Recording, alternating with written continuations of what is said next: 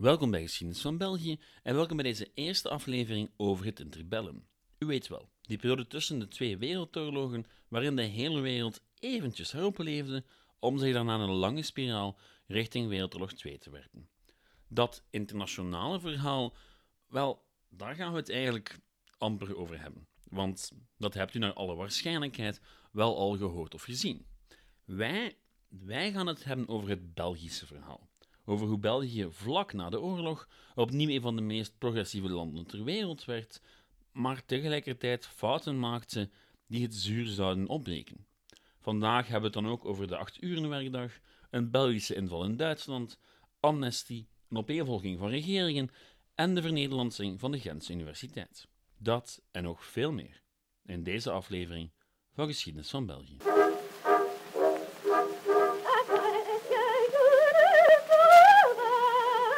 Als we het over het interbellum in België hebben, dan wordt die periode vaak ingekort tot twee zaken. De swingende twenties en de donkere, dreigende jaren dertig. En hoewel dat beeld voor een deel wel klopt, is de realiteit zoals altijd een pak ingewikkelder. De jaren twintig waren niet zomaar een tijd van economische heropleving. In realiteit hingen de donkere wolken die tot Wereldoorlog 2 zouden leiden al in de lucht. Wat het internationale toneel betreft, maar evengoed in België zelf. De collaboratie, de economische crisis, de eerste tekenen waren er wel al, maar evengoed gebeurde er ook heel wat moois. En eerlijk waar, dit is een van de moeilijkste periodes die ik ooit heb moeten beschrijven of samenvatten voor deze podcast. Er gebeurt zoveel tegelijkertijd en het is allemaal op de een of andere manier met elkaar verbonden.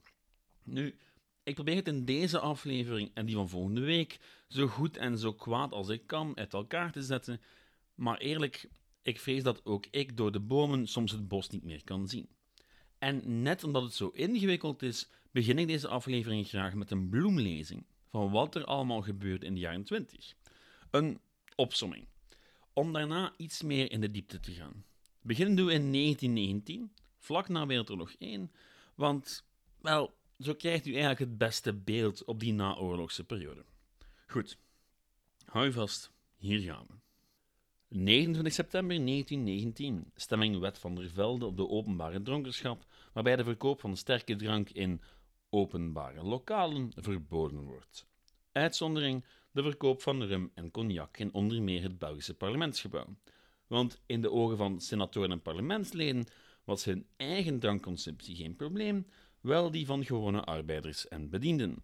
16 december 1919, nieuwe regering van katholieken, liberalen en socialisten, een tripartite. 29 januari 1920, August Boyms, Vlaams collaborateur tijdens de Eerste Wereldoorlog, wordt veroordeeld tot levenslang. Onthoud die naam. 7 september 1920, geheim akkoord tussen Frankrijk en België over militaire bijstand in geval van oorlog. 12 september 1920, Olympische Spelen in Antwerpen.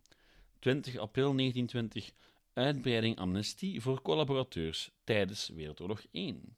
24 april 1920 eerste gemeenteraadsverkiezingen met vrouwenstemrecht. 29 mei 1921 oprichting Communistische Partij van België. 31 juli 1921 verplichting van het spreken van de spreektaal door ambtenaren. 25 juli 1921 Economische Unie met Luxemburg. 14 juni invoering 8 dag. 16 december Socialisten kiezen voor de oppositie. We krijgen een regering van liberalen en katholieken. We spoelen eventjes een jaar door. 11 januari 1923. België valt samen met Frankrijk Duitsland binnen om het Ruhrgebied te bezetten. Dit om druk te zetten op de Duitse overheid om haast te maken met de beloofde herstelbetalingen. 23 mei 1923. Oprichting Sabena. 27 juli 1923. De Gentse Universiteit wordt tweetalig. 22 augustus 1923. België krijgt officieel het mandaat over Rwanda-Urundi, waardoor het eigenlijk een tweede kolonie wordt naast Congo. 1924. De steenkoolproductie is weer een stuk gegroeid richting haar vooroorlogse niveau.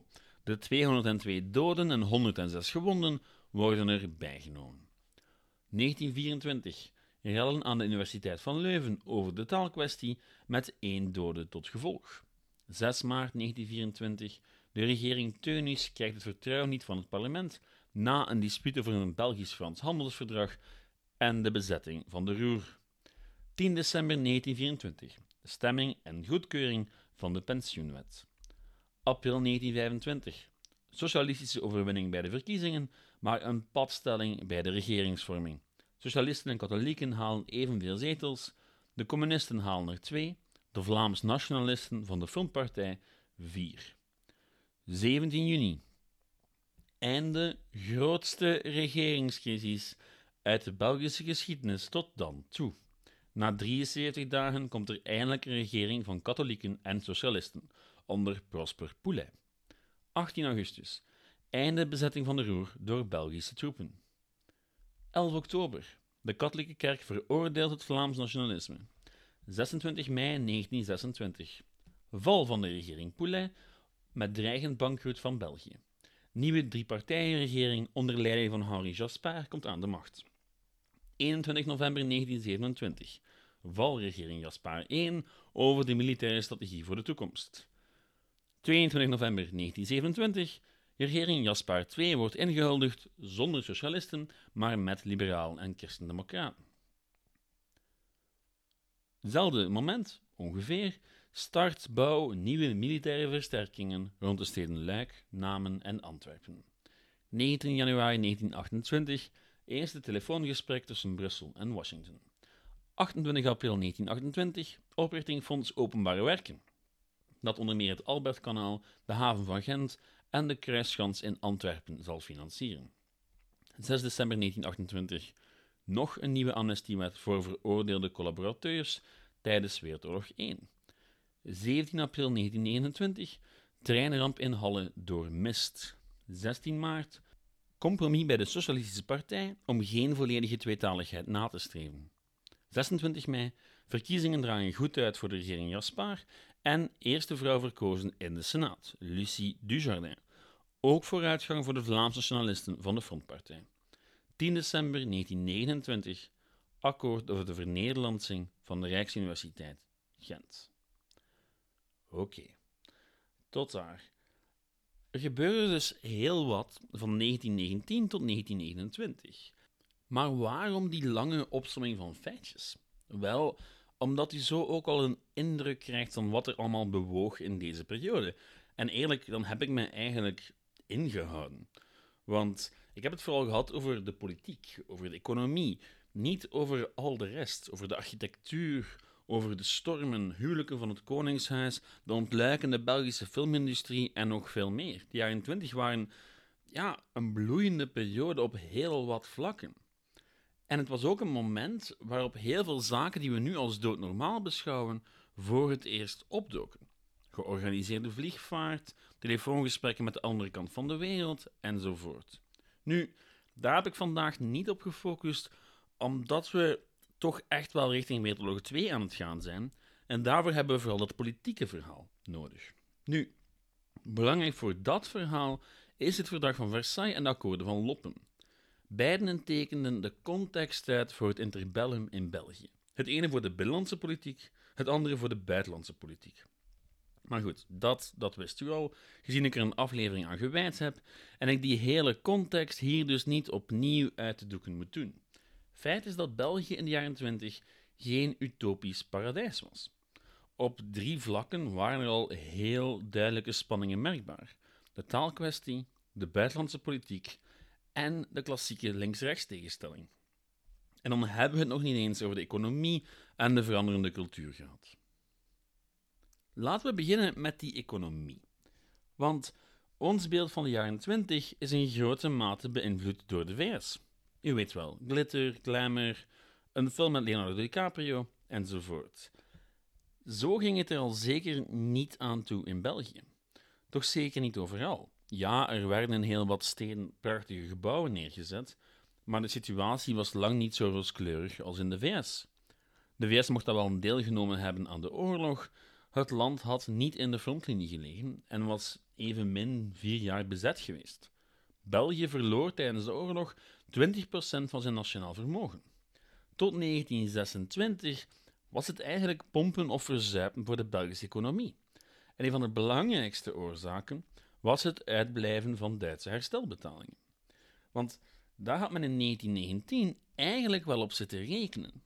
Dat er een heleboel cashgeld zou komen uit Duitsland, waarmee men de economie op gang kon trekken. Maar ja, Duitsland had nu eenmaal geen cash, dus moest er iets anders verzonnen worden. En iets anders werd massaal lenen. Want van een Marshallplan was er ook nog geen sprake in de jaren 20. Dus de Belgische economie die moest zichzelf eigenlijk opnieuw op gang trekken met een heleboel leningen. En dat zorgde er ook voor dat die economie op wankele benen zou staan eind jaren 20. En toen de bom barstte in de jaren 30, ja, wel, dat is voor volgende week. Feit is dat de banken zich op dat moment zo verweven hadden met economie dat als het goed ging, er grote winsten gemaakt konden worden. Maar als het slecht ging, wel, je kan het een beetje vergelijken met de vastgoedcrisis in de VS van 2008. Men had er zoveel in gestoken dat zolang het goed bleef gaan, alles super was, maar vanaf het instorten, ja, nu, volgende week. Wat we vandaag wel nog gaan bekijken, dat is het politieke veld in België. Een van de eerste zaken die opvalt als je naar die lijst luistert, is dat België politiek vlak niet bijster stabiel was in de jaren 20. Wat, als je er een beetje over nadenkt, helemaal niet zo vreemd is. België na Wereldoorlog 1 was op heel wat verschillende manieren een volledig nieuw land. Toch zeker op politiek vlak. Met de invoering van het enkelvoudig mannelijk stemrecht werd het politieke landschap volledig getransformeerd. Tevoren had de Belgische politiek wel veel weg van de Britse en de Amerikaanse vandaag. U weet wel, een tweepartijenstelsel waar steeds één van de twee grote partijen de meerderheid heeft en alleen regeert. De socialisten waren er wel, maar ze konden door het kiessysteem nooit echt aanspraak maken om in de regering te komen. Want voor een regering had je een absolute meerderheid nodig en ja, dat zat er niet aan te komen. Nu, dat verandert allemaal in 1919 en het gevolg is dat een regering vormen een stuk moeilijker wordt. Tegelijkertijd was er heel wat wetgevend werk te doen en zou het parlement vanaf 1919 een heleboel verregaande en voor die tijd heel progressieve maatregelen doorvoeren. Pensioenen, de 8 uur werkdag en nog zoveel meer. Eigenlijk het prille begin van de sociale welvaartsstaat. En decennia lang had de Belgische regering zich amper gemengd in de economie. Maar met de komst van het enkelvoudig mannelijk stemrecht, ja, kon het merendeel van de bevolking niet langer genegeerd worden. Wat wel heel lang gebeurd was. En het gevolg was dat politieke partijen hun kiezers tevreden moesten houden. Want er was immers ook veel meer keuze dan tevoren. Onder het nieuwe systeem kon ook een kleine partij wel enkele zetels binnenhalen. Dus de grote partijen moesten ook wel proberen om zoveel mogelijk te verwezenlijken om de eigen kiezers en de mensen binnen de eigen partij tevreden te houden. Want als dat niet gebeurde, dan kreeg je splinterpartijen. Zoals de Communistische Partij afsplinterde van de Socialisten. Nu, de ene was daar al beter in dan de andere. Want de jaren twintig waren het begin van de verzuiling. Liberalen, katholieken en socialisten probeerden elk hun eigen zuil op te bouwen. Hun eigen hoekje van de maatschappij. Men was lid van de partij, men zat bij de vakbond van de zuil, men zat bij de ziekenkast van de zuil, men ging op vakantie met de jeugdbeweging van de zuil, enzovoort en zo verder. Nu, dat gaat ook wel voor een groot deel lukken en het is een systeem dat zal blijven bestaan tot, wel, in de jaren 80 van de vorige eeuw. Ondanks dat alles kreeg die nieuwe democratie het wel al snel moeilijk. Er werd van alles verwezenlijkt, maar heel wat mensen voelden zich achtergelaten door het nieuwe systeem.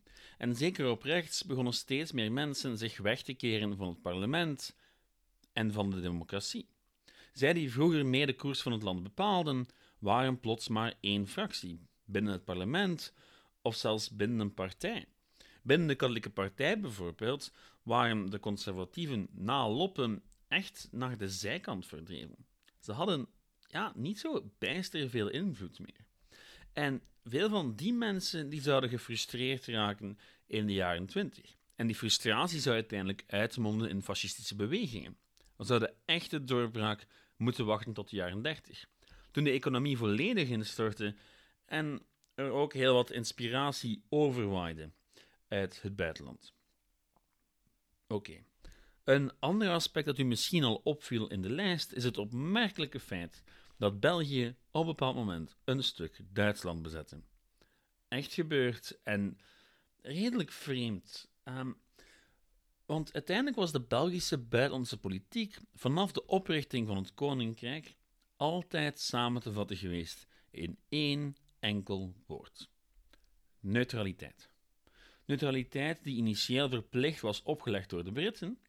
En oké, een jonge Leopold II had wel zitten dromen over een inval in Nederland. Desondanks had België zich altijd heel strikt aan die neutraliteit gehouden. Zelfs toen Duitsland België binnenviel, weigerde Albert I om een formele alliantie aan te gaan met de Fransen. Hij vocht zijn oorlog, de Fransen en de Britten de hunne. Een perfect excuus natuurlijk om Belgische troepen niet te moeten laten deelnemen aan de Franse en Britse offensieven waarbij zoveel doden vielen. Oftewel, waarom de militaire slachtoffers aan Belgische kant eigenlijk in vergelijking best meevielen. Nu, na de oorlog werd de oude Belgische neutraliteit wel in vraag gesteld. Niet in het minst omdat België helemaal niet zijn zin kreeg in het verdrag van Versailles. Eupen en co. werden dan wel geannexeerd, maar verder kwam er heel weinig in huis van de Belgische eisen. In 1920 raakte de regering ervan overtuigd dat om te overleven België nood had aan een sterke bondgenoot. En daar de Britten weer volop bezig waren hun handen van het continent af te trekken, was er eigenlijk maar één optie: Frankrijk. Dat tot grote horror van de Vlaams nationalisten. Die zagen in het akkoord een grote versterking van de positie van de Franstaligen in België. Nu, over die Vlaamse oppositie heb ik het straks nog wel even. Eerst moet ik het hebben over die beruchte bezetting van de Roer. Want waarom zou België zoiets doen? Wel, eigenlijk, kort samengevat, geld. Geld en steenkool. België was net als een heleboel andere landen herstelbetalingen beloofd. En de grote hoop van de Belgische regering was dat men dat geld zou kunnen gebruiken voor de heropbouw van het land en van de economie. En toen bleek dat de Duitse markt volledig was ingestort, aanvaarde men betaling in natura. Steenkool, ijzererts en zo verder. Maar toen ook die uitbleef, marcheerden Belgische troepen, samen met Fransen, de Duitse grens over in 1923. Twee jaar later zouden ze het gebied weer verlaten, zonder echt iets bereikt te hebben behalve de anti-Franse haat in Duitsland, nog wat verder op te stoken. En in België, tussendoor, ook voor de val van een regering te zorgen. We moeten het zeker ook nog hebben over het Vlaams nationalisme, want dat ondergaat tijdens het rebellen een ware transformatie. Nu, die transformatie associëren de meeste mensen natuurlijk met de jaren 30, maar die begon eigenlijk al in de jaren 20. En die ontwikkeling had dan weer alles te maken met de Eerste Wereldoorlog en met de democratisering. Want opnieuw, die had hele grote gevolgen. Zowel de Socialistische Partij als de katholieken werden een stuk Vlaamser. Want ja, nu iedere mannenstem evenveel waard was, konden de Vlaamse eisen niet meer met hetzelfde gemak genegeerd worden. Vooral de katholieke partij had plots nood aan de stem van de gewone man. En in Vlaanderen was die per definitie Nederlandstalig, en dus begonnen lokale afdelingen van die katholieke partij te transformeren. De Belgische staat daarentegen, die was nog steeds grotendeels Franstalig, zowel in de politiek, de economie als in de kerk. Wel, de top in elk geval. En onder die top zaten heel wat Nederlandstaligen die het wachten zowat langzamerhand beu werden. Maar al die Vlaams gezinnen verenigen in één blok, ja, dat, dat bleek dan weer heel moeilijk want er waren nog meer dan genoeg andere kwesties die de Vlamingen verdeelden. En zo dus moest er in elke partij apart een consensus gezocht worden tussen de Nederlandstaligen en de Franstaligen. Al was er één partij die alleen maar met de Vlaamse zaak bezig was, de Frontpartij. Voortgekomen uit de frontbeweging, die Vlaamse soldaten tijdens Wereldoorlog 1 had verenigd, streefde de Frontpartij voor taalwetten, een Nederlandstalige universiteit enzovoort. En die frontpartij was begin de jaren 20 helemaal niet rechts. Ze behaalden zetels bij de verkiezingen en speelden zo eigenlijk een belangrijke rol, want daardoor maakten ze het de grote partijen ook wel duidelijk dat er iets moest gebeuren, dat er wetten gestemd moesten worden. Dus op dat vlak was het ook wel goed dat die partij er was, want zo kwam er van alles in gang, in actie. Nu, naast de politiek ontstond er ook meer Vlaamse literatuur, meer Vlaamse kranten en een heleboel organisaties daarnaast. En er waren ook echt wel resultaten in de jaren 20. Zij het gewoon niet goed genoeg voor de radicalen. In 1920 werd voor het eerst een wet goedgekeurd die de eentaligheid van de gewesten vastlegde. Zij het met een mogelijkheid tot tweetaligheid. En het was een grote stap, maar net als met de vele andere grote stappen in de jaren 20 waren het de uitzonderingen die voor heel wat frustratie zorgden. De vernederlandsing van de Gentse Universiteit, ook zo'n heet hangijzer dat voor heel veel frustratie zorgde. Tegen het einde van de jaren 20 was er veel vooruitgang geboekt, maar was de Vlaamse beweging evengoed intens verdeeld. Sommigen begonnen langzaam, maar zeker hun geloof in de democratie te verliezen. Anderen geloofden in een vereniging met Nederland, weer anderen linkten Vlaanderen expliciet aan het katholicisme en zetten Vlaanderen en Vlaams nationalisme in oppositie tot politiek links. Nu, kort samengevat, de Vlaamse beweging in de jaren 20 leefde, maar er was al heel wat chaos. En die chaos zou in de jaren 30 een welkome voedingsbodem vormen voor extreme ideologieën. Nu, eerlijk gezegd, het verhaal van het Vlaams nationalisme in deze periode is een stuk ingewikkelder dan wat ik net heb uitgelegd. Maar goed, dat is voor een andere keer. En daarmee hebben we het een beetje gehad voor vandaag. Als er al een bubbel was in de jaren 20, dan barstte die in de jaren 30. En dat barsten is voor een volgende keer. Dan gaan we verder met alle aspecten die we vandaag al aanhaalden: het Vlaamse nationalisme, de frustratie van extreem rechts met de democratie, de economie en het buitenlands beleid. Het is veel en het is ingewikkeld, maar absoluut noodzakelijk om te begrijpen wat volgt. Bedankt voor het luisteren. Bedankt ook voor de mails die zijn binnengekomen uit een paar verschillende landen. Vond ik heel leuk om te horen. Mailen mag nog altijd naar geschiedenisvan.outlook.be of op de Facebookpagina Geschiedenis van België. Oh, en mocht er nog suggesties zijn voor nieuwe afleveringen van Geschiedenis nu, dan hoor ik het ook graag. Ciao!